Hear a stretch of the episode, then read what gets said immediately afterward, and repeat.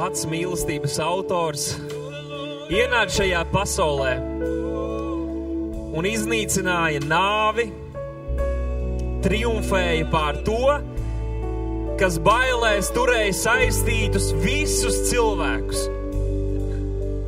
Un kad viņš augšām cēlās, Viņš vēl 40 dienas, Jēzus Kristus 40 dienas pavadīja šeit virs zemes, mācot par Dievu valstību, kalpojot cilvēkiem, stāstot par lietām, kas notiks.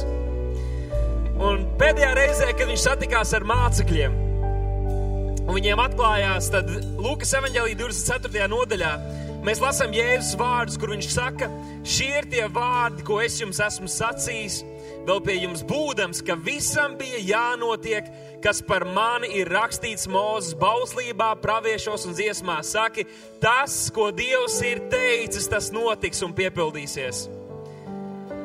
Viss tas, ko Dieva vārds saka, tas piepildīsies. Gan manā dzīvē, gan arī visā pasaulē. 45. pantā viņš turpina. Tad viņš tiem saprašanu atdarīja, ka tie rakstus saprata.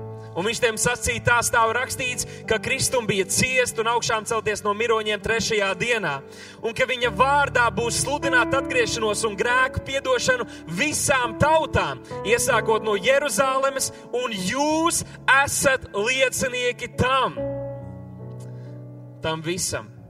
Un viņš 49. pantā noslēdz ar vārdiem, un redzēs jums sūtu sava tēva apsolījumu bet palieciet jūs pilsētā, līdz kamēr tiksiet apģērbti ar spēku no augšienes. Saki ar spēku no augšienes. Apģērbti ar spēku no augšienes. Halleluja, mēs varētu lūgt, Tēvs, mēs pateicamies, ka Tavs vārds ir patiesība, ka viss, ko Tu esi teicis, tas piepildās un piepildīsies. Mēs pateicamies, ka Tavs vārds ir stiprāk kliņš, uz kuras arī mēs stāvam.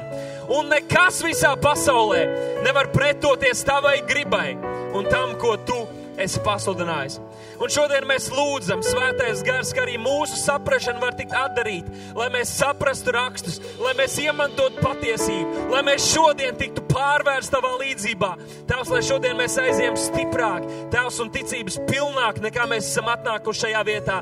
Jēzus vārdā, tāpēc mēs atveram savas sirdis un mēs lūdzam, runā Svētais Gars, pravieto pār mūsu dzīvēm, atrais, dara pilnīgus, dara brīnums un zīmes šajā vietā. Mēs pateicamies, ka kroplie ceļas, kakliem acis atveras, kaujas tiek atvērta šodien, ka visādi veidi slimības, kungs, neziņa, nesaprašana, maldu mācība šodien krīt, tēvs un atnāk brīvība un patiesība Jēzus Kristus varenajā vārdā mēs lūdzam, un visi draudz teica skaļu Āmen!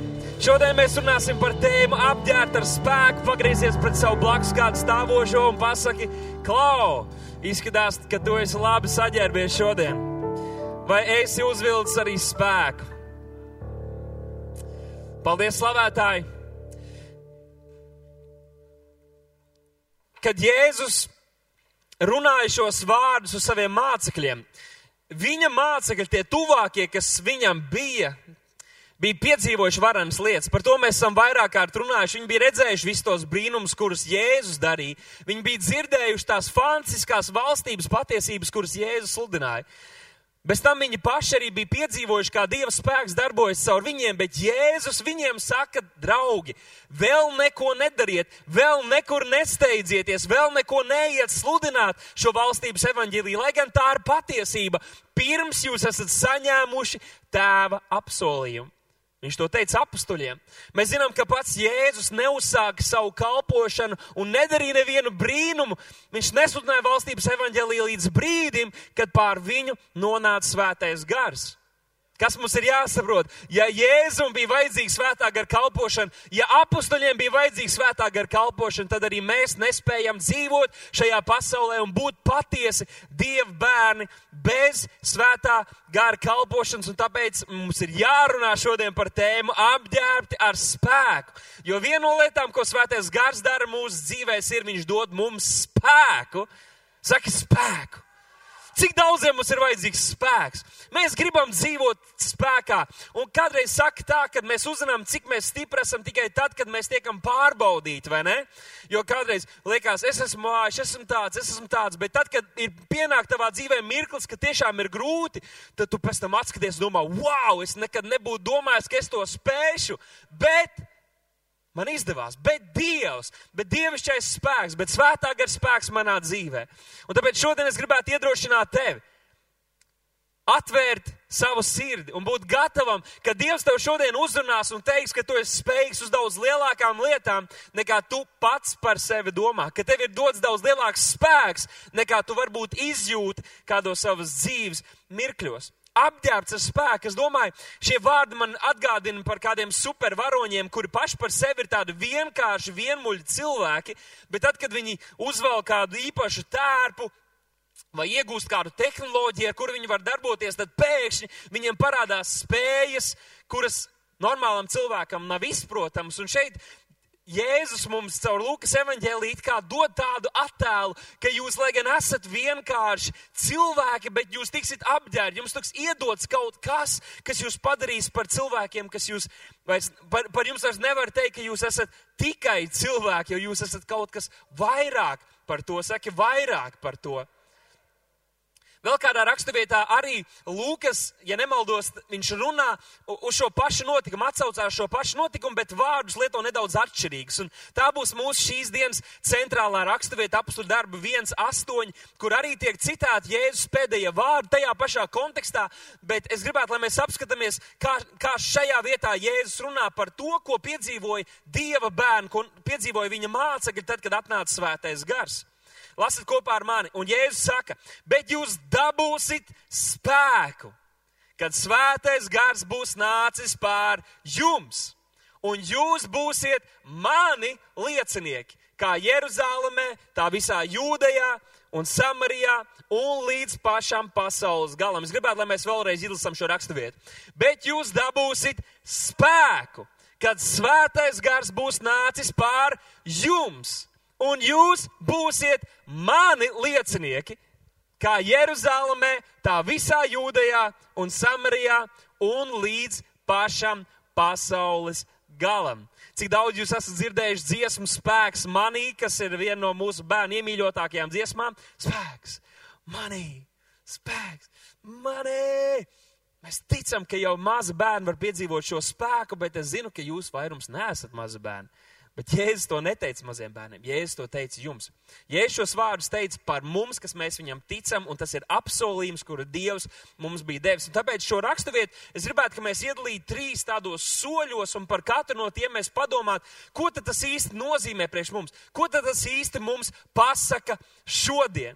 Un pirmais šis punkts ir tas, ka jūs dabūsit spēku. Ir patīkami pat izteikt to vārdu spēks, spēks, spēks. Kad tu saki to, tu pats kļūsi stiprāks. Jūs dabūsiet spēku, kad svētais gars būs nācis pār jums. Jūs dabūsiet spēku, un šis vārds dabūsiet, tur varētu likt arī uh, lietot vārdu noķersit. Un man patīk šī doma, ka iespējams, ka daudzi no mums, līdzīgi tā kā mēs esam piedzīvojuši pestīšanu, ka nevienmēr mēs zinājām visu lielo teoloģiju un visas lietas, ko Kristus ir izdarījis priekš mums, un ko tas mūsu dzīvēs ir izdarījis, un ko tas mūsu dzīvēs ir izmainījis, bet mēs noķērām glābšanu, ko Dievs mums deva, un tad mēs sākām izpētīt, wow, arī šajā manas dzīves dzīves sfērā. Wow, arī šajā manas dzīves sfērā, arī šeit Kristus upuris ir sagādājis man uzvaru un ir sagādājis man pilnību. Un līdzīgi mēs varētu teikt par svētā gara apsolījumu, kad arī to Dievs mums vienkārši dāvā. Dievs kristī savu draugu, tos, kas meklē viņu, kas tiec pēc viņu kristī svētajā garā. Tas nav kaut kas, ko mēs paši varam paņemt. Mēs vienkārši varam noķert. Jums varbūt arī kādreiz bijis tā, ka kāds jums pamet kaut ko, jūsu pirmā reakcija ir to noķert, un tikai tad jūs ieraugat, kas tas ir. Un šeit, un šeit Jēzus saka, jūs dabūsiet, jūs noķersiet, es jums došu kaut ko, un jūs to paņemsiet, un tad jūs varēsiet sākt izpētīt, jūs skaties, wow! dzīvi mainošs spēks, dzīvi mainoša persona ir ienākusi mūsu dzīvēs, mūsu sirdī. Kaut ko līdzīgu mēs redzam ebreju vēstules 11. nodaļā, kur ir runāts par Sāru, kas bija Ābrahāma sieva, un par viņu ir teikts, ka ticībā arī tā pati Sāra spēja, un šeit šī spēja lietot šis pats vārds, kas iepriekš bija runāts par spēku. Spēja, tas ir dinamisks spēja, Tātad viņai bija pārdabiska spēja kļūt par māti, neraugoties uz viņas vecumu. Tā mēs vēlāk redzam, ka tur, protams, bija iesaistīta arī ticība. Ticība darbojas uh, roku rokā ar šo spēku, kas tiek atraisīts mūsu dzīvē, bet Sārai bija šis dinamis, viņai bija šī te, viņa noķēra šo spēku, kas viņu darīja spējīgu Eh, kļūt par māti arī lielā vecumā. Tātad šis spēks runā par spēju, par varēšanu, par ietekmi, bet šis grieķu valodas vārds dinamis ir vārds, no kura ir atvasināts mūsdienās lietotais vārds dinamīts. Dinamīts. Jums, ah, man patīk šī doma par dinamītu. Jums patīk kādiem, kas sprākst kaut kas, ir skaļi. Varbūt tagad, kad tieši atnāca jau, šis jaunais gads, tad daudzi mēs atradāmies vietā, kur bija ļoti daudz miglas, tā kā paši salūt pat nevarēja dzirdēt, redzēt, bet dzirdēt gan mēs varējām. Dzirdēt droši mēs visi dzirdējām, ka kaut kas sprākst, dinamīts, ja? kaut kāda sprākstviela, kaut kas notiek. Un šodien es gribētu parādīt trīs lietas, ko tad šis svētā gara spēks izdara mūsos? Pirmkārt, tātad svētais gars mums dod spēku, kas izmaina to, kas tu esi, ko tu dari un kas tev ir iespējams. Es zinu, ka tas ir pavisam vienkārši, bet neko sarežģītāk arī mums nevajag. Svētais gars dod spēku, tev dod spēku, kas izmaina to, kas tu esi, ko tu dari un kas tev ir iespējams. Un pirmais ir tas, kas tu esi. Tā ir tava identitāte. Ir, tas ir tavs morālais spēks, tā ir tava stāja. Tas ir tas, kas tu pats kā cilvēks esi. Svētais gars ir tas, kurš dara tevi par jaunu cilvēku un pilnībā radikāli izmaina to, kā tu pats uz sevi skaties un kas tu esi. Bībeli saka, mēs esam tādi, kā Jēzus ir. Tātad mūsu, mūsu esence Mūsu personība, mūsu identitāte vairs nav tas, kā mēs līdz šim esam uzauguši. Un, ziniet, daudzi saka, jā, ja es nebūtu piedzīvojis visu to, ko es dzīvē piedzīvoju, nebūtu tas cilvēks, kas es esmu šodien. Un no vienas puses tā ir patiesība. Bet kristiešu dzīvē tā tam nevajadzētu būt, jo mēs kļūstam par to, ko Jēzus piedzīvoja. Tamdēļ, ka Jēzus izgāja cauri tam, tamdēļ, ka Jēzus uzvarēja, tamdēļ, ka Jēzus ir tās, tamdēļ, ka Jēzus ir dāvājis šos gara augli un to darīs pilnīgi, mēs kļūstam tādi, mums neobligāti pašiem ir jānonāk pie šiem slēdzieniem. Mūsu identitāte ir tas, kas mēs esam Kristu Jēzu. Mūsu identitāte ir tas, kas ir Viņš, jo mēs viņam esam līdzīgi. Viņš ir mūsu piemērs, viņš ir mūsu paraugs. Ir labi, ka mēs skatāmies uz kādiem cilvēkiem. Jā, mācītājs, kāds slavenības, kāds sportists, redz, kāds viņam raksturs, rekā viņi uzvarēja. Bet, ja tu gribi patiešām labu piemēru izraudzīties sev, kristieti, skaties uz Jēzu, centies līdzināties viņam, it visā. Un Tas ir tas, ko svētais gars dara mūsos. Mēs esam Dieva bērni, mēs esam valstības vēstneši, mēs esam galva nevis asta. Mēs varētu runāt vēl un vēl, bet svētais gars izmaina to, kas tu esi. Efeziešiem 3.16. Pāvils lūdz par šo draugu. Viņš saka, lai Dievs savā godības bagātībā jums dod savu garu un dara stipru, un atkal lietot šis vārds dinamis, stipru, dinamītisku jūsu iekšējo cilvēku. Viņš saka, lai Dievs dod savu garu un dara stipru jūsu iekšējo cilvēku. Cik, cik labi ir, ir tā apziņa, ka tu saproti, ka, lai gan tu esi vājš un ir apstākļi, kas tev var ietekmēt, ka tev iekšēji tu jūti, ka tev ir mugurkauls, kurš nav cilvēcīgi attīstīts un iegūstams, ka pats Dieva gars tevi dara stipru, noturīgu un patstāvīgu, lai tu šajā laikā dzīvotu uzvarā. Tad Dieva gars dara stipru mūsu iekšējo cilvēku. Kolosiešiem 1.11. Pāvils saka, un viņa biedri kopā lūdz, lai Dievs savā godības varenībā jūs bagātīgi apveltī ar spēku, un atkal šis vārds dinamis, ar dinamītu, būt izturīgiem un pacietīgiem. Svētā gara spēks nevis tikai darīt brīnums, svētā gara spēks tavā dzīvē būt pacietīgam, būt izturīgam, būt lēnprātīgam. Un ar pacietību mēs iemantojam Dieva apsolījumus. Tātad viss šīs lietas mums ir nepieciešams, lai mēs paši dzīvotu uzvarā un lai šo uzvaru mēs varētu dot arī citiem. Tātad pirmais ir tas, ka svētais gars mums dod spēku, kas izmaina to, kas tu esi. Otrakārt, viņš izmaina to, ko tu dari. Un te mēs varētu runāt par mūsu dvēseli, par tādu kā dvēseles izcelību, par mūsu rīcību. Tu vari dzīvot dievam patīkamu dzīvi, tādēļ, ka svētais gars ir tevī, kurš dara tevi spējīgu, nevis ļauties tikai tavas miesas iegribām, kā Pāvils kādā raksturvietā saka, to, ko es gribu darīt, es nedaru, bet to, ko es negribu darīt, es daru. Viņš runā par miesīgu cilvēku tajā vietā, bet svētais gars mūs dara spējīgus dzīvot dievam patīkamu dzīvi, dzīvot uzvarā, dzīvot dzīvi, kurai patiešām ir jēga, kur ir piepildīta ar Dieva spēku. Otrā Pētera vēstule, pirmā nodaļa, trešais pants. Tur Pēters iedrošina šos kristiešus, sakot, ka mums jau viņa dievišķais spēks, saka, dievišķais spēks. Un atkal šis vārds dinamis, dievišķais spēks ir dāvinājis visu, kas vajadzīgs. Un tagad pastieties, Mēs kādreiz liekam to uzsvaru tik lielu, ka šis spēks ir tikai, lai mēs būtu par lieciniekiem, tātad tikai par pārdabisko.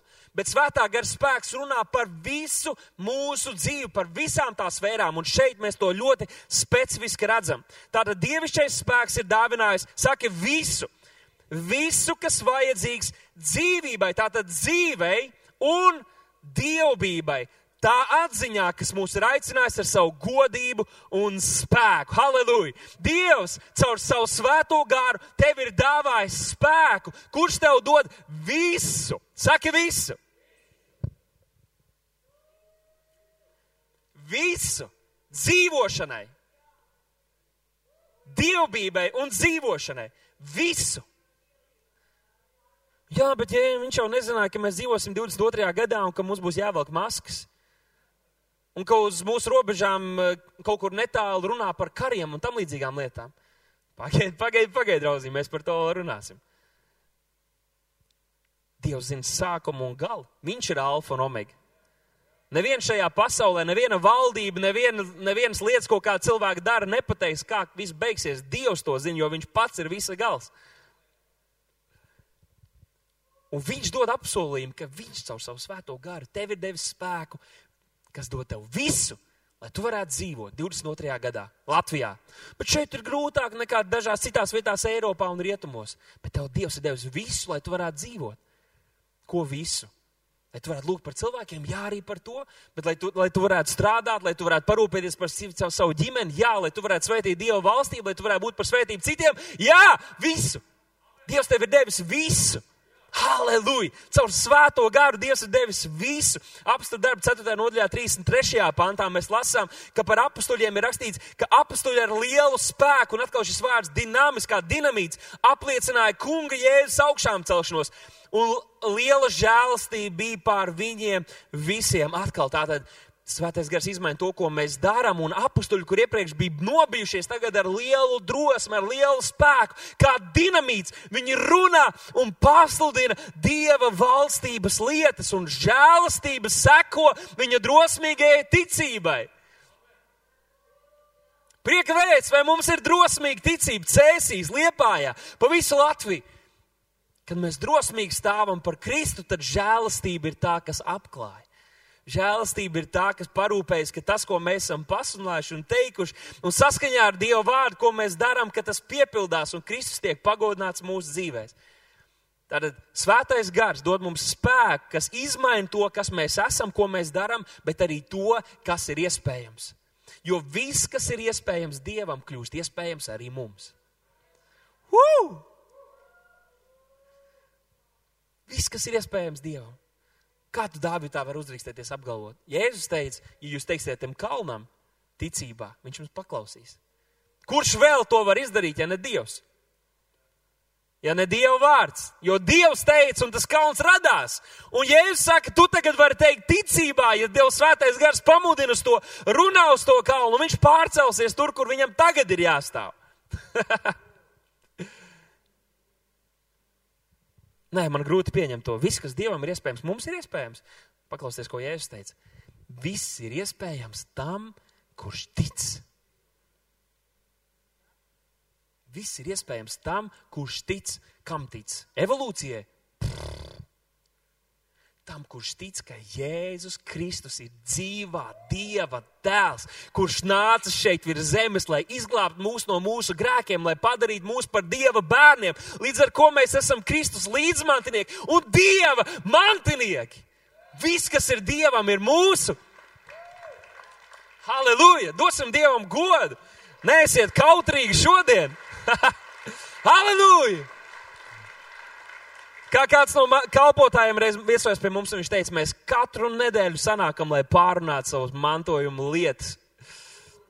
Halleluja! Mēs atnākam, lai uzzinātu, tā, vēl mums vēl šis pieder, vēl viena mūža, vēl viena bankas konts atvērties. Tas ir priekš mums, jo mēs esam Dieva bērni. Un Dievam nekad nekā nav trūcis, un Viņš nekad nevienam neko nav prasījis. Viņš ir tas, kurš visiem dod dzīvību, elpu un visu. Halleluja! Viss ir iespējams tam, kurš tic Dievam. Kas ir iespējams tev? Viss ir iespējams. Viss ir iespējams tev. Vai es varu to, vai es varu to? Tu vari visu. Ja Dieva gars tev vada, ja Dieva vārds ir tavs pamats, tev viss ir iespējams. Nav neviena virsotne, kur tu nevarētu iekarot.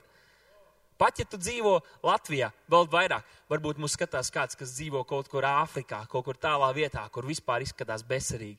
Ja Dieva vārds ir tavs pamats, un ja tev ir ticība, kas var kalnus gāzt, tev viss ir iespējams. Lietosim savu ticību. Kas ir tā sfēra, kurā tev vajag uzvaru, kurā tev vajag izlaušanos? Sāc lietot ticību, piepildies ar Dievu vārdu, sāc pasludināt lietas, kā mācītājs šodien teica, sāc pasludināt lietas, kuras tu gribi redzēt savā dzīvēm pieliec savu ticību un saka, Dievs, es ticu, ka tu man vadi tur. Un tad pārliecinies, ka Dievs arī vada tur, ne tikai tu ej savus ceļus un saka, Dievs svētī to, ko es daru. Šis brīnumdarošais spēks, pārdabiskais spēks arī mums ir pieejams. Klausieties, Lūkas evanģēlī 5. nodaļā rakstīts par Jēzu. Uz tā kunga un tā kunga spēks, atkal šis vārds dinamis, dinamīts, viņam bija, ka viņš varēja dziedināt. Dieva spēks bija, ka Jēzus varēja darīt lietas, kuras cilvēcīgi nebija iespējamas. Kam dēļ? Tāpēc, ka viņš bija Jēzus, Jā, bet viņš bija iztukšojis sevi no visas dievišķā, un viņš darbojās pilnvērtīgi zem svētā gara spēka un kontrols. Tāpat kā tas ir jādara mums ar, ar tevi. Apstur darbu 19. nodaļā, 11. pantā rakstīts, Dievs darīja neparastus, saka neparastus. Brīnumus, atkal brīnumu vietā ar vārds dinamis, brīnumus kā dinamīts ar pāvila rokām. Huh! Man patīk, ka Bībelē ir rakstīts vārds neparastus. Ziniet, ko tas nozīmē? Ka bija tik daudz brīnumu, kur bija parasti. Tā ir kristiešu dzīve. Ka ir brīnumi, kurus mums ir jāsauc par neparastiem. Jo brīnumi ir parasta lieta, tā ir ikdienas lieta Dieva valstībā. Dievs visu laiku staigā brīnumā, Dievs visu laiku dara brīnumus. Dieva spēks bija pār Pāvilu, un Dievs darīja neparastus brīnumus caur viņu. Es jums gribu parādīt, kā strādā šis pārdabiskais. Runājot gan par kalpošanu cilvēkiem, gan arī par jebko citu, ko mēs vēlamies savā dzīvē piedzīvot, un Dieva gars mūs tajā vada. Marka evanģēlijas 16. nodaļa 20. pants. Tur rakstīts, un tie izgāja, tad, kad Jēzus viņus bija tāda, izsūtījis, rakstīts, un tie izgāja un mācīja visās malās. Un tas kungs tiem darbā palīdzēja un vārdu apstiprināja ar līdzējošām zīmēm. Tātad iepriekš mēs redzam 17. 18. pantā, ko viņi darīja. Viņi izziņa jaunas garas, viņi runā jaunās mēlēs, čūskas un nāvīgs zāles tiem nekaitē. Halleluja! Čūskas un nāvīgs zāles tiem nekaitē. Un neveselie kļuva veseli. Tas ir tas, ko viņi darīja. Un vēlāk ir teikts, viņi izgāja, viņi sludināja patiesību, viņi runāja patiesību. Dievs viņiem palīdzēja un savu vārdu viņš apstiprināja līdzējošām zīmēm. Kurš darīja to brīnumu? Cilvēkam tas nav iespējams bet ar Dievu viss lietas ir iespējams. Pāvils uzlika rokas un runāja Dieva vārdu patiesības, bet Dievs bija tas, kurš lika tām lietām notikt. Mums nav liels spiediens izdarīt brīnums, jo mēs to neesam spējīgi. Mēs pat nemākam savu gultu kārtīgi sakārtot. Es atvainojos visiem tiem, kas to dara izcili. Bet viņi drosmīgi pasunāja Dievu vārdu, un Dievs darīja brīnums.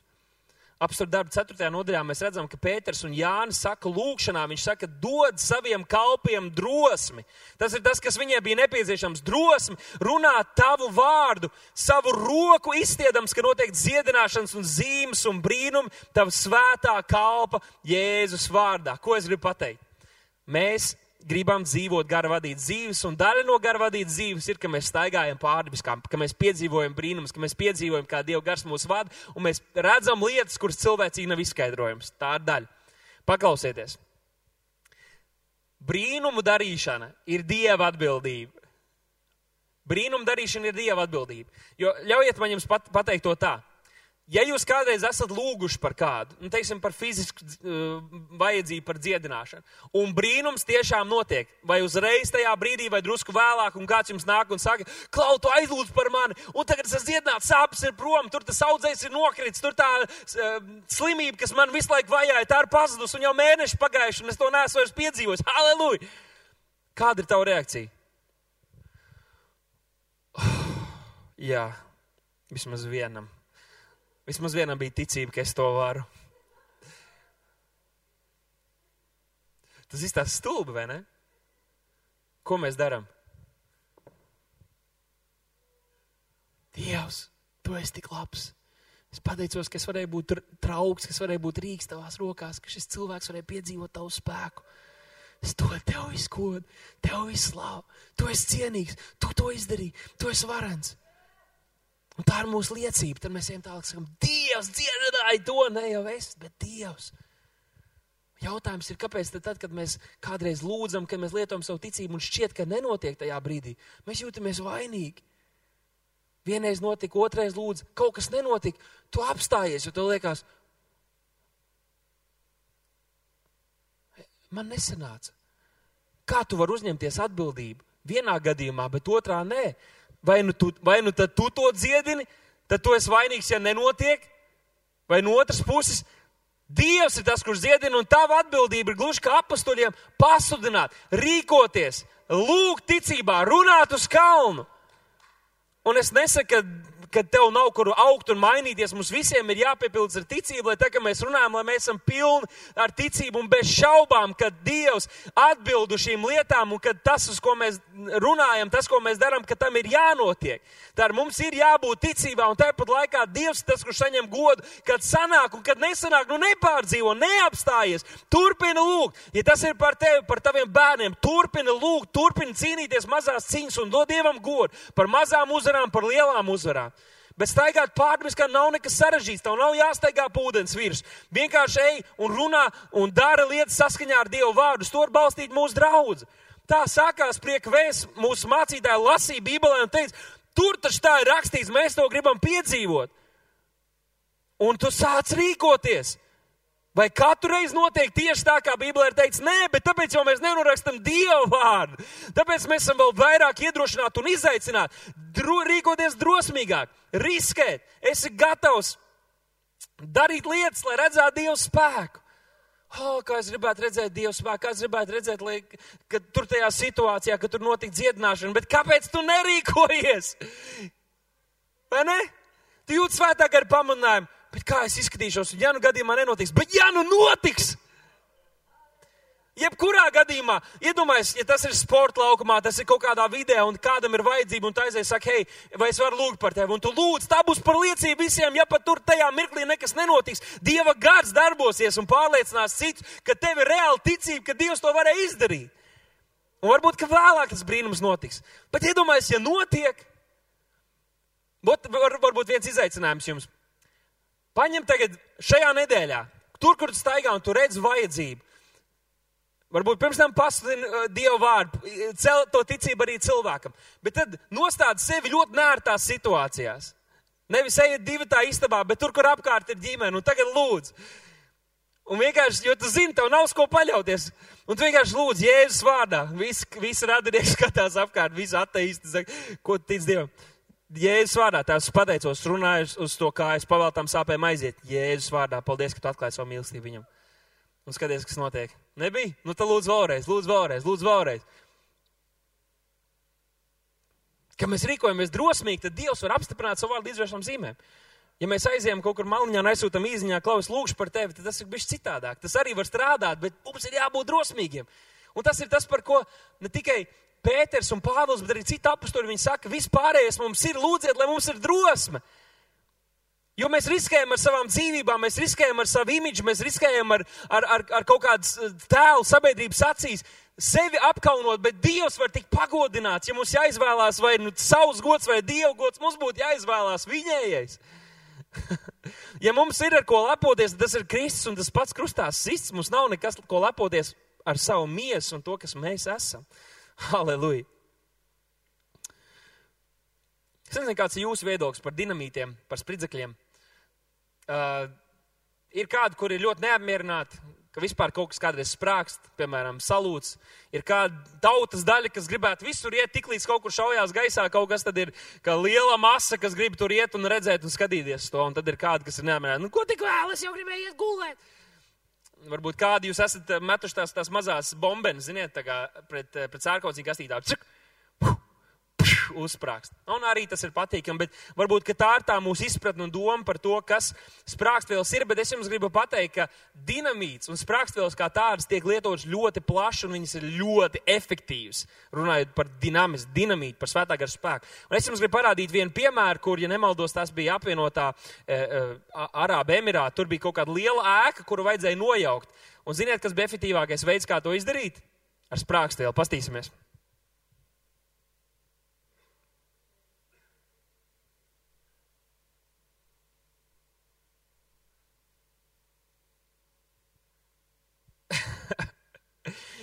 Nu, jāsaka tā, droši vien, ka sagatavošanās laiks bija diezgan ilgs, bet pati ēka pazuda un kļuva par putekļu mākoni. Burtiski, cik tur bija, kāds septiņas sekundes. Ko sprākstēl var izdarīt, ko, ko spēks var izdarīt, ka tas ķeras klāt mūsu dzīvēm un, un reāli sāk mainīt lietas.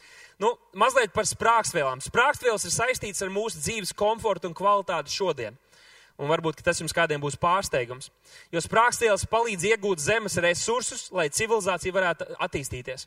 Ar tās palīdzību tiek iegūti vairāk kā 42 dažādi minerāli, kurus nepiec kuri nepieciešami, lai ražotu, piemēram, telefonus, televizorus, zobpastu, kosmētiku, zāles, eh, cementu, ogles, dzelžus un tā tālāk kopš uh, 1860. gada dinamīts tika licencēts Amerikas Savienotajās valstīs, un tas uzsāka uh, industriālo revolūciju gan Amerikas Savienotajās valstīs, gan arī Eiropā, jo pēkšņi viss kļuva daudz, daudz pieejamāks nekā tas bija iepriekš, un cilvēks sāk investēt lietās, kuras iepriekš bija ļoti grūti sagādāt un realizēt tāda biznesa uh, plauka un izplatās.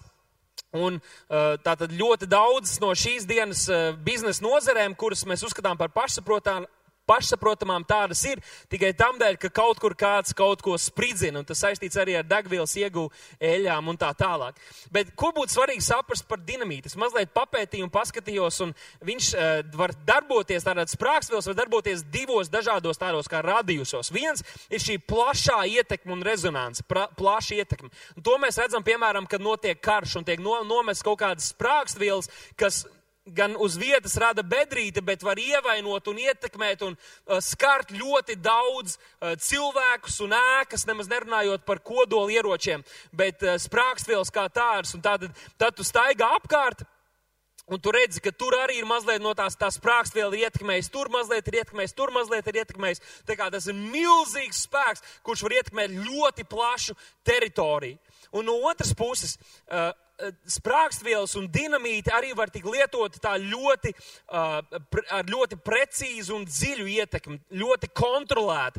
Un kā piemērs varētu minēt uh, tuneļu veidošanu stiprās klintīs, kur ar kaut kādiem āmurīšiem un tam līdzīgi tas bija ļoti smags un ilgstošs darbs, līdz tika atklāti šie dinamīti un sprāgstvielas, melnais šaujamais pulveris, un tad tika izrakt, izurbt kāda maza caurumiņa klintīs, tajā ielikti, ielikt sprāgstvielas degvielas, un tad viens, divi, trīs, badām! Un pēkšņi Tu vari tikt cauri kalnam. Jūs esat bijuši Eiropā, dažās vietās noteikti būsiet pamanījuši senas, senas tuneļus cauri spēcīgām klintīm, kuri gandrīz neiespējami, ka kāds varētu tām tikt cauri, bet šīs sprākstvielas to padarīja iespējami. Ko es cenšos pateikt? Dieva spēks, šis dinamīts mūs ietekmē divos dažādos līmeņos. Pirmkārt, tas var ļoti precīzi, tā kā par Dievu vārdu ir teikts, izmainīt un ietekmēt mūsu dzīves. Dievu vārdu vārds, Dieva spēks nav haotisks, kas vienkārši spridzinās apkārt, un tu nekad nezini, ko un kā viņš darīs, un kā viņš izmainīs tavu dzīvi, un pēkšņi tu gribēji runāt latviešu, bet tu runā franču mēlē un tam līdzīgi. Nē, nē, nē, nē. nē. Dieva spēks ir ļoti kontrolēts, ir ļoti konkrēts, ko Dievs dara tavā dzīvē, un tu to jūti un apzinājies. Un tu vari tam padoties vai arī tam pretoties, bet svētā gara spēks darbojas. Un otrs puses, svētā gara spēks pilnīgi izmaina visu, gan mūsu dzīvēs, mums apkārt, un ja mēs ļaujamies, lai svētais gars mūs vada, ja mēs dzīvojam svētā gara vadītas dzīves, tad mēs sāksim ieraudzīt, ka ne tikai mūsu pašu dzīvē, bet visapkārt Dievs ir sagatavojis lietas, kurām ir jāpieskars šim svētā gara spēkam, šim dinamīta spēkam, ir jā, jāpieskars cilvēkiem un dažādām situācijām un sfērām mūsu dzīvēs un valstī. Nu, pastīsimies, romiešiem 1.16.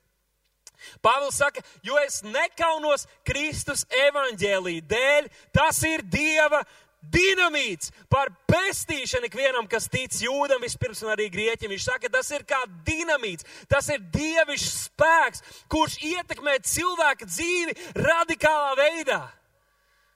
Uh!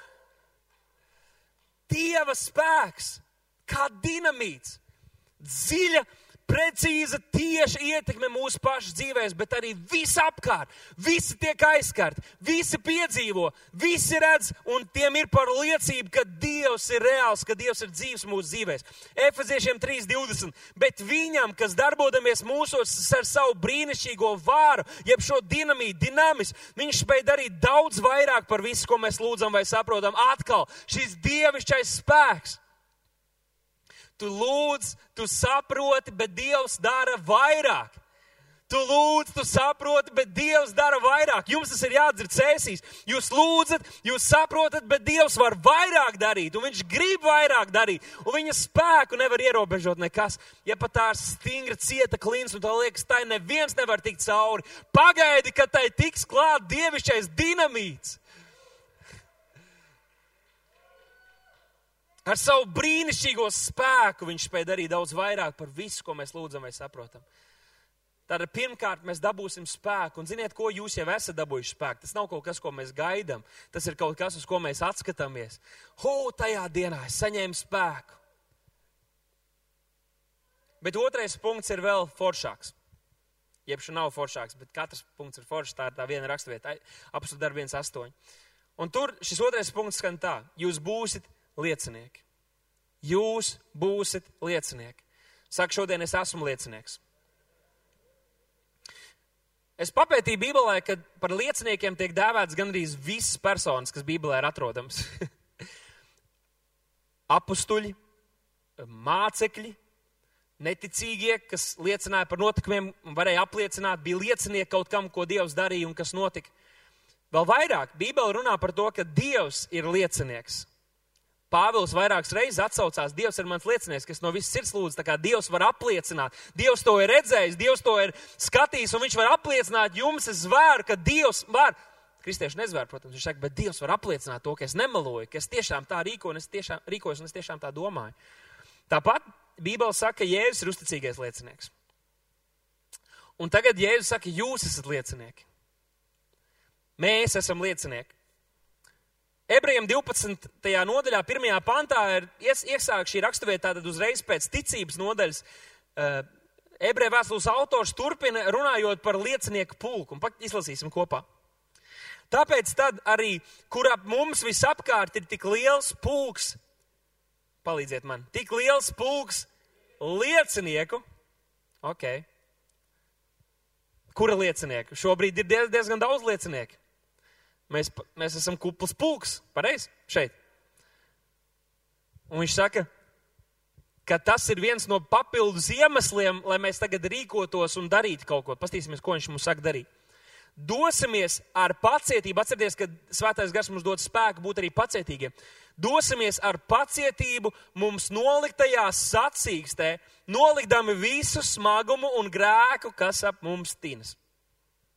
Cik daudz jūs sakojat līdz Olimpiskajām spēlēm? Pāvils saka, jūs esat Olimpiskajās spēlēs. Tu šobrīd esi skrējienā, tu šobrīd esi sacīkstē. Ja tu pārliek daudz aizrausies, skatoties, kā citi skrien, tu pats nepabeigsi savu skrējienu. Viņš saka, ar pacietību noliktajā sacīkstē, tātad tas nav mazais sprintiņš, tas ir maratons, tas ir mūsu dzīves maratons. Mēs skrienam Dievam par godu, lai sasniegtu šo goda balvu. Bet pasteities, visapkārt liels pulks liecinieku.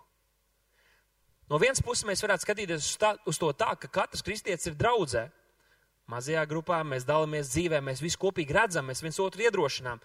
Mārtiņam ir uzvara, mēs sakām, halleluja! Olitai ir uzvara, mēs sakām, halleluja! Skrien uz priekšu! Tiecies uz priekšu, mēs redzam dāvanas tevī, es redzu uzvaru tevī, es redzu, ka Dievs darbojas ar tevi. Jānī ir uzvara, mēs priecājamies, mēs sakām, halleluja!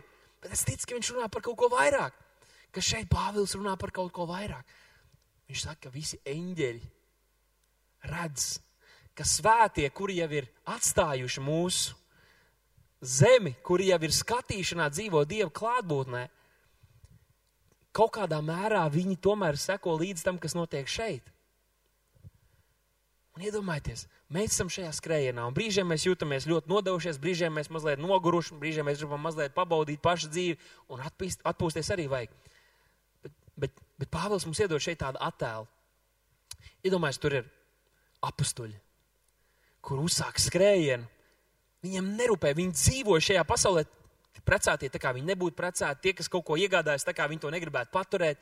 Viņi dzīvo šajā pasaulē, lai pilnībā nodot savas dzīves Dievam. Jo laika nebija daudz, viņi gribēja izglābt pēc iespējas vairāk, viņi gribēja aizsniegt pasauli. Tad viņi atdod savas dzīves, viņi nomirst asins liecinieku nāvēm. Vairums no viņiem nomira asinsliecēm nāvē. Vēl varētu runāt par tūkstošiem, par simtiem, kuri to ir izdarījuši un vēl aizvien dara.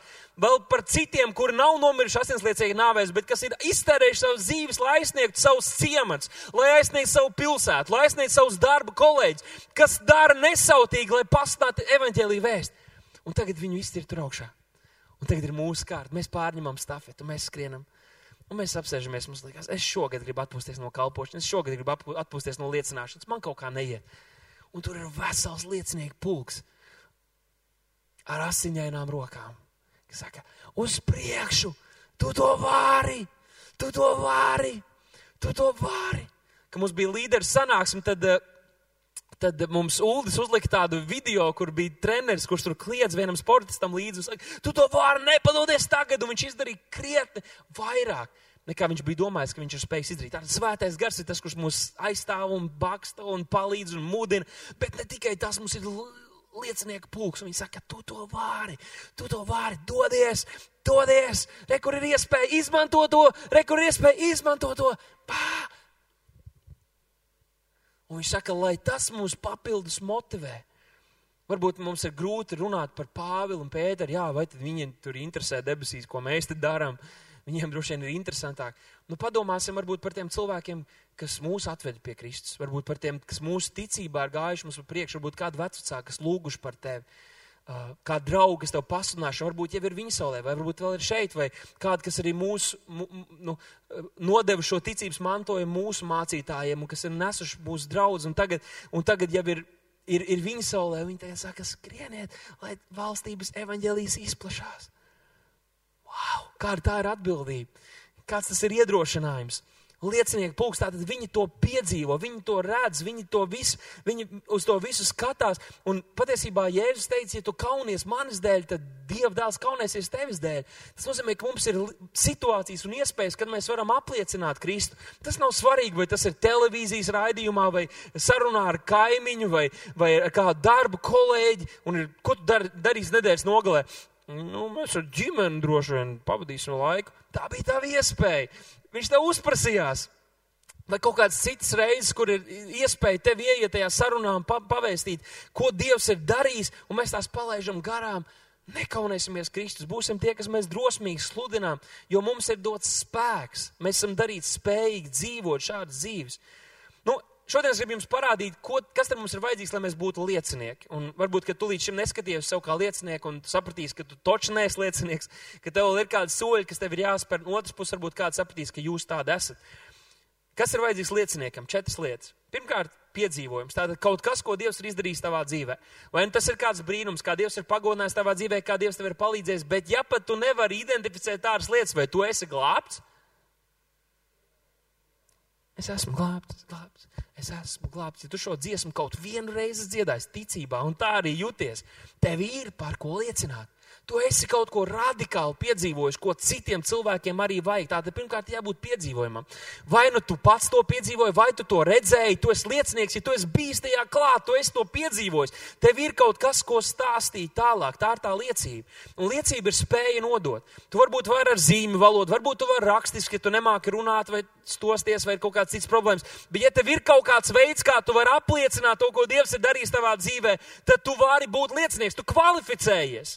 Pat ja tu varbūt neesi spējīgs izteikt to ar savu mutes, vārdiem. Trešais punkts ir iespēja. Iespēja kaut kur apliecināt to, un vai mums kādam ir iespēja? Visiem ir. Šorīt tu brauc tajā sabiedriskajā transportā un to blakus sēdēji, tas vīrs, un tu jūti pamudinājumu kaut ko pateikt un uzsākt sarunu, bet tu to neizdarīji. Tā bija tā iespēja. Mums visiem ir iespējas ikdienas apliecināt Kristu, vai mēs tās izmantojam. Tātad tās ir trīs lietas, kas vajadzīgas. Un ceturtais ir tas, par ko apustē lūdzu, un tā ir drosme. Tā ir vienkārši uzdrīkstēšanās. Vienkārši uzdrīkstēties. Un ziniet ko? Ja mēs esam pārņemti, ja mēs esam aizskarti ar šo piedzīvojumu, ar šo personu, kas var izmainīt cilvēku dzīves, un ja mēs kaut mazliet neienīstam, bet mīlam cilvēks mums līdzās, mēs to darīsim. Tas ir pienākums. Tā nav sajūta. Jēzus neteica, jūs jutīsieties tā. Tas ir jūsu pienākums būt par lieciniekiem. Mīlēt cilvēks nozīmē pastāstīt viņiem par glābšanas ceļu, jo viņi iet pazušanā, ja pat jums kopā ir jautri. Labs piemērs ir Marka evanģēlīja 5. nodaļā, kur bija kāds apsēsts cilvēks, kurš, eh, kuram bija tik daudz ļauna gara viņā, ka tas dēvēja sevi par leģionu, šis ļaunais gars. Un tagad Jēzus viņu atbrīvo no tā, viņš pēkšņi viņa dzīve radikāli izmainās.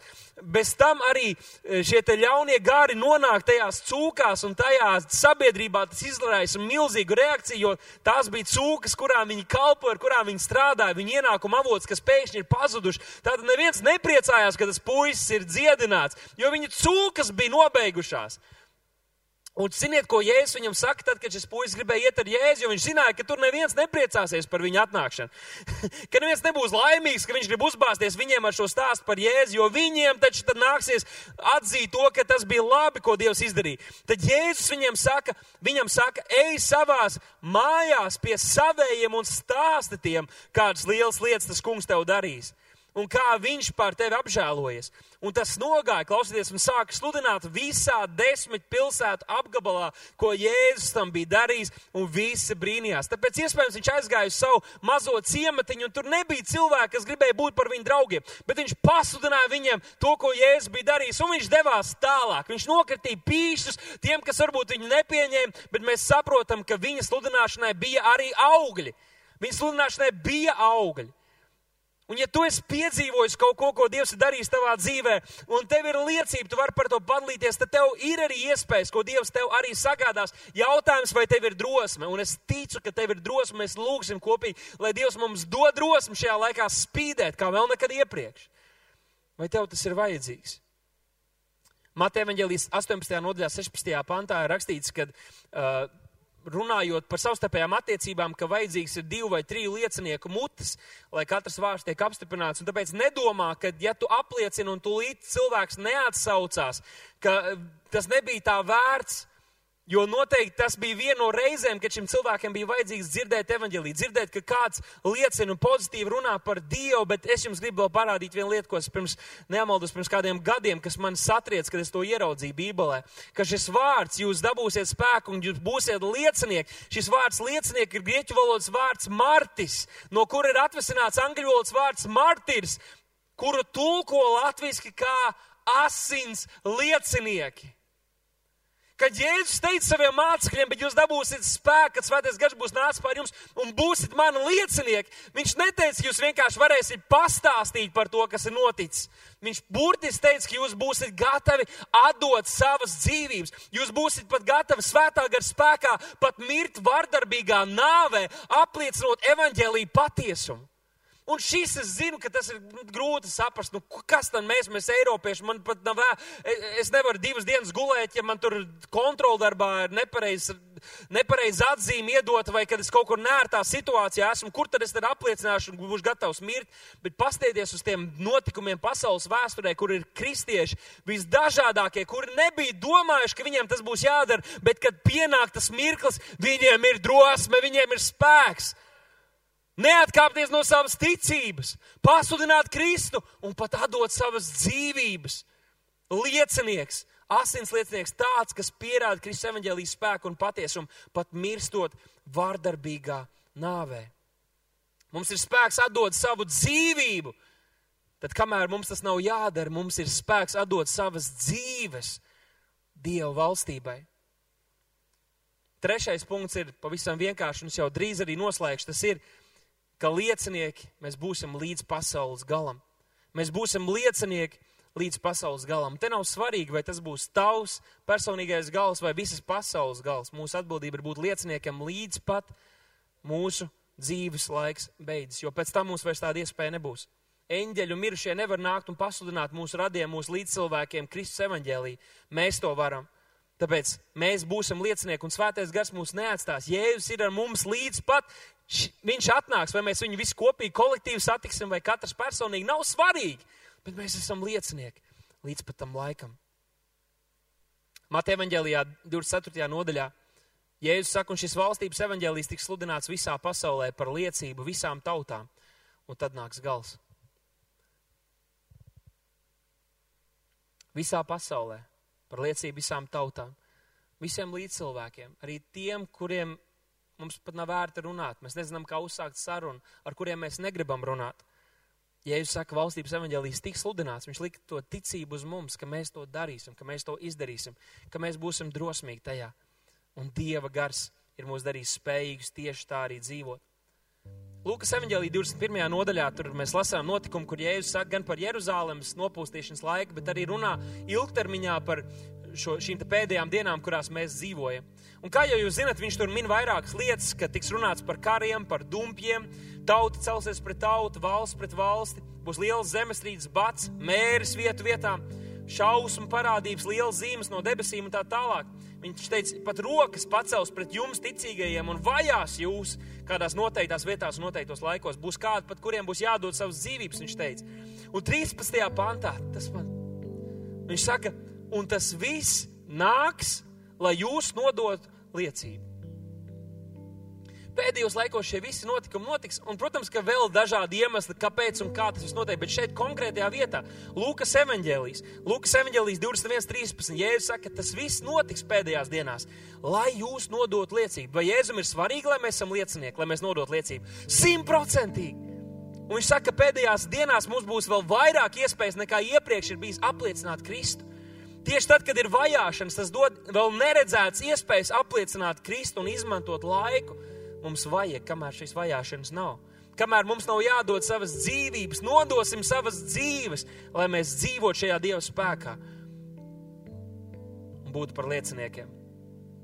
Ja es varu atgriezties pie apakstoša darba, pirmās nodaļas, astotā panta, es uzrakstīju mājās savu interpretāciju, kā es to tagad gribētu nodot kopsavalkot visu šo svētrunu par apstākļu darbu, pirmās nodaļas, astoto pantu, par spēku, ko Dievs mums ir devis un par spēju būt par lieciniekiem. Un lūk, kā es to uzrakstīju. Apstākļu darbu 1,8 pēc Dāvida interpretācijas. Svētajam garam ienākot tevī, tu ieguvi spēku, izturību un spēju dzīvot morālu un dievu godinošu dzīvi.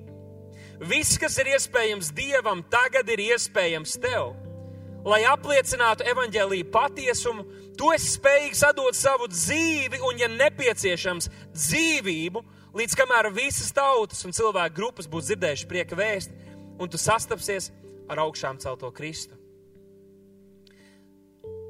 Kad svētais gars būs nācis pār tevi, un viņš ir nācis pār tevi, tu kļūsi tu saņemsi spēku būt par liecinieku līdz pat pašam pasaules galam. Un noslēdzot, es gribētu, lai mēs ieskatāmies 84. psalmā, kur man šķiet, ka Svētais Gars man parādīja tādu kā ilustrāciju, vīziju attēlu tam, kā tad mums šajā laikā jādzīvo. Apstu darba 84. nodaļā, 6. pantā, psalmis saka, svētīgi ir tie cilvēki, kas tevī atrod sev spēku. Cilvēki, kuri atrod tevī sev spēku, kam sirdī stāv tavi ceļi, es gribētu teikt, kas ir dieva gara vadīti, kas staigā dieva ceļus. Septītais pants. Kas caur raudu ieleju staigādami, to dara par avoksnainu zemi. Un jau agrais lietus to pušķo ar svētību. Pat ejot cauri ielai, kā cits tulkojums saka, viņi rok dziļi, lai atrastu iepriecinošus baseinus, kuros kurās vietās citi atrod tikai sāpes, viņi atrod dziļus ūdens, avotus un baseinus, kurus atnes prieku un spēku. Halleluja! Raud ielēs staigādam par avokstēnu zemi. Un astoties pāns. Viņi, un es gribētu to pieņemt kā apsolījumu sev šajā nedēļā, viņi iet no spēka uz vēl lielāku, uzvarošu spēku, līdz kamēr viņi parādās Dieva priekšā ciānā. Halleluja! Vai tu to saņem prieka vēsts? Vai tu to saņem prieka vēsts? Paklausies! Ja tu šajā nedēļā uzliksi uzsvaru uz to, lai atrastu spēku viņā, lai smeltos no svētā gara, viņa spēku, pat ja tev jāsteigā cauri raudošai ielai, kur visi raud, kur visiem sāp, un mēs atrodamies tādā laikā, Dievs tevi lietos, lai tu atnestu dzīvību, lai tu atnestu cerību, lai tu atnestu svētību un prieku. Un kad tā mēs dzīvojam, mēs iesim no spēka uz vēl lielāku spēku. Tavai garīgajai dzīvei nav jābūt kā amerikāņu kalniņiem. Nav jābūt tā, ka vienā svētdienā tu esi, tu esi uhu, Dievs ir labs, Dievs ir uzticams, man izdosies. Nākamajā tu esi gan izsalūzis, nu, tur bezcerīgs. Vajadzētu būt tā, ka nākamajā nedēļā tu atnāc un mēs varam vēl strādāt un celt, un Dieva gars var būvēt un ekipēt tevi tavai kalpošanai, nevis censties atdzīvināt tavu garīgo cilvēku. Jo mēs ejam no spēka uz spēku, ja tu meklē savu spēku viņā, ja viņš ir tavs spēka avots, ja svētais gars tev vada un darbojas tevī, tu ies no spēka uz spēku, saki no spēka uz spēku, no spēka uz vēl lielāku spēku. No gudrības uz vēl lielāku gudrību, no svaidījuma uz vēl lielāku svaidījumu, no drosmes uz vēl lielāku drosmi. Tu tur iesi, tu iesi uz priekšu. Mēs nepaliekam raudāšanas vietiņās, tā kā arī ieap draugi. ir grūti, ir smagi. Latvijā ir tāda, tāda situācija. Draudzē pat maskas jāvelk. Nē, nē, nē, nē, nē, nē. Tā neesam mēs, draudz, prieka vēst. Mēs ejam no spēka uz vēl lielāku spēku. Ieraug sevi no spēka uz spēku, no spēka uz spēku, no spēka uz spēku, no spēka uz spēku. Mēs ejam uz priekšu līdz tai dienai, kad mēs viņu redzēsim, jo viņš ir tā balva, un jo tuvāk mēs viņam esam, jo vairāk mēs piedzīvojam viņa spēku, jo vairāk mēs pārvēršamies viņa līdzībā, jo vairāk mēs tiekam piepildīti ar Dieva garu, un jo vairāk mēs staigājam ticībā un redzam viņa spēku savās dzīvēs. Halleluja! no spēka uz spēku, līdz mēs redzēsim viņu. Tā būs brīnišķīga diena, jo mēs esam sacensībās.